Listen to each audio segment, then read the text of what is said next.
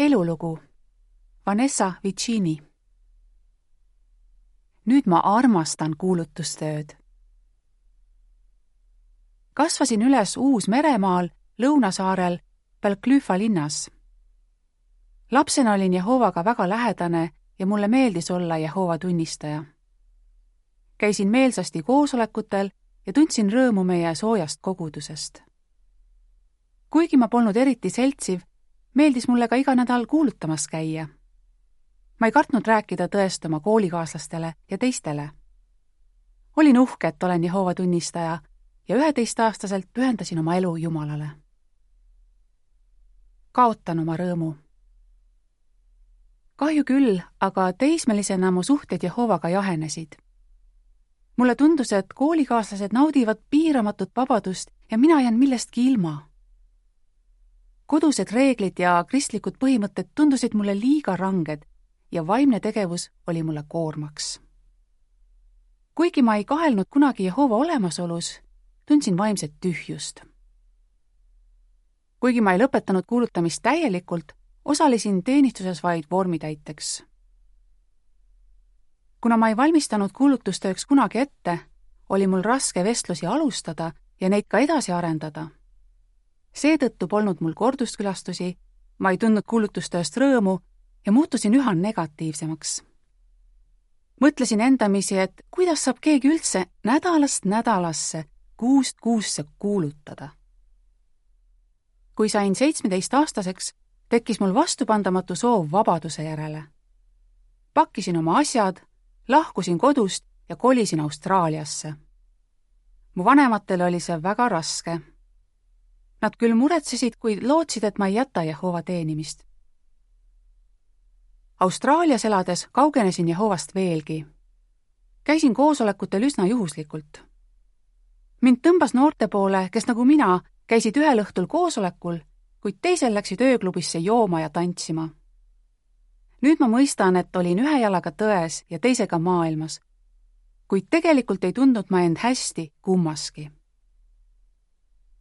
ootamatu pööre. umbes kaks aastat hiljem kohtusin ühe õega, kes enese teadmata pani mind elu üle järele mõtlema. elasin ühes majas koos nelja vallalise õega. kord kutsusime ringkonnaülevaataja koos tema naise Tamaraga enda juurde nädalaks ajaks elama. sel ajal, kui ringkonnaülevaataja ajas koguduse asju, oli Tamara meiega ja meil oli koos väga lõbus. ta oli nii normaalne inimene ja temaga oli mõnus rääkida. olin päris hämmastunud, et keegi, kes on nii tõsiselt keskendunud Jehova teenimisele, võib olla nii lahe. Tamara pulbitses entusiasmist ja tema armastus tõe ja kuulutuste vastu oli nakkav. ta andis rõõmuga Jehovale oma parima, samas kui mina tegin nii vähe kui võimalik ja olin seejuures õnnetu. tema positiivsus ja siiras rõõm avaldasid mulle sügavat muljet tänu temale jõudis mulle kohale üks piibli põhitõde. Jehova soovib, et teeniksime teda rõõmu ja hõiskamisega. armastus kuulutuste vastu süttib taas. soovisin tunda samasugust rõõmu nagu Tamara, kuid selleks tuli mul teha suuri muudatusi.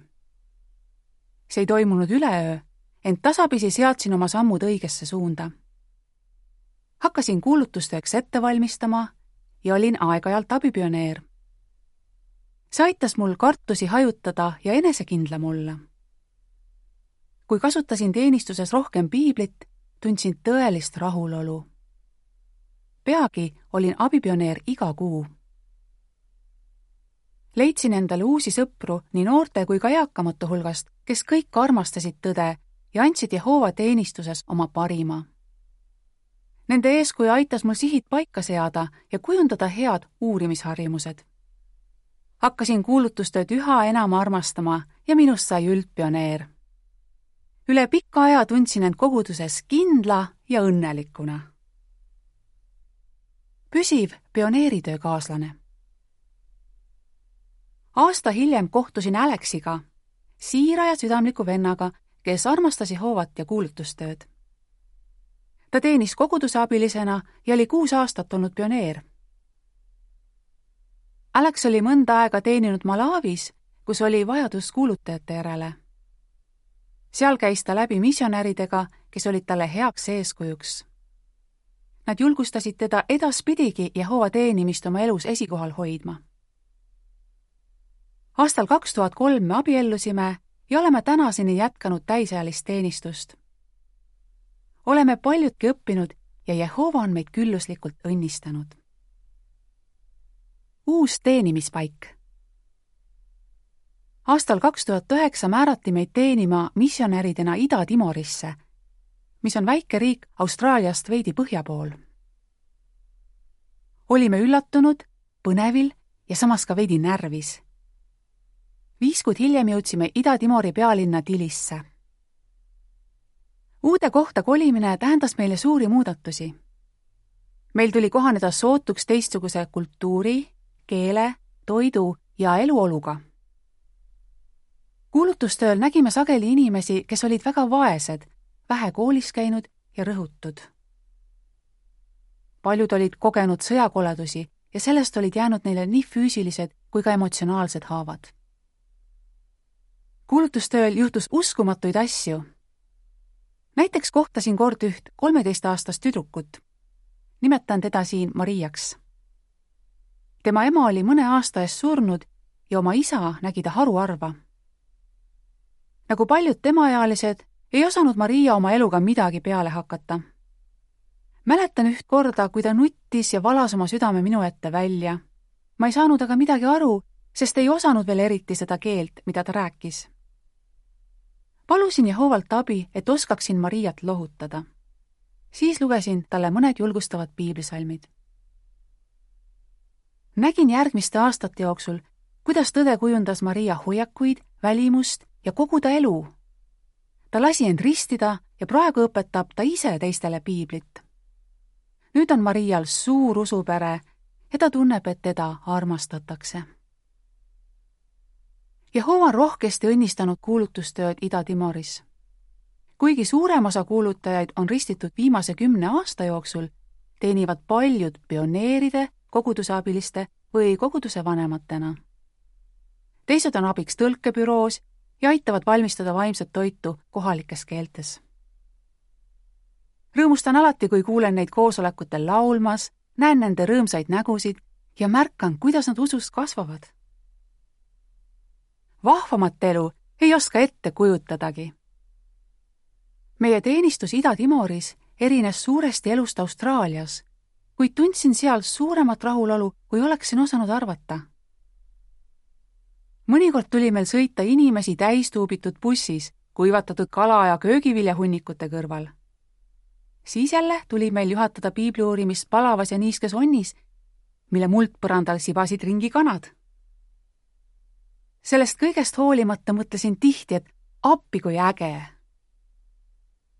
ajas tagasi vaadates olen tänulik oma vanematele, et nad õpetasid mulle Jehova teid ja olid mulle toeks mu keerulises teismeeas tunnen, et õpetussõnad kakskümmend kaks kuus käib just minu kohta.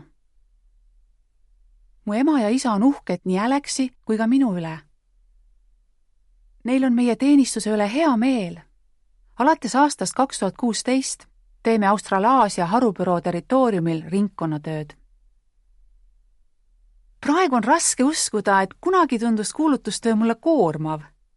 nüüd ma armastan kuulutustööd olen mõistnud, et elus võib küll tulla ette igasuguseid keerdkäike, kuid tõelist rõõmu tunneme üksnes siis, kui teenime Jumalat kogu südamest.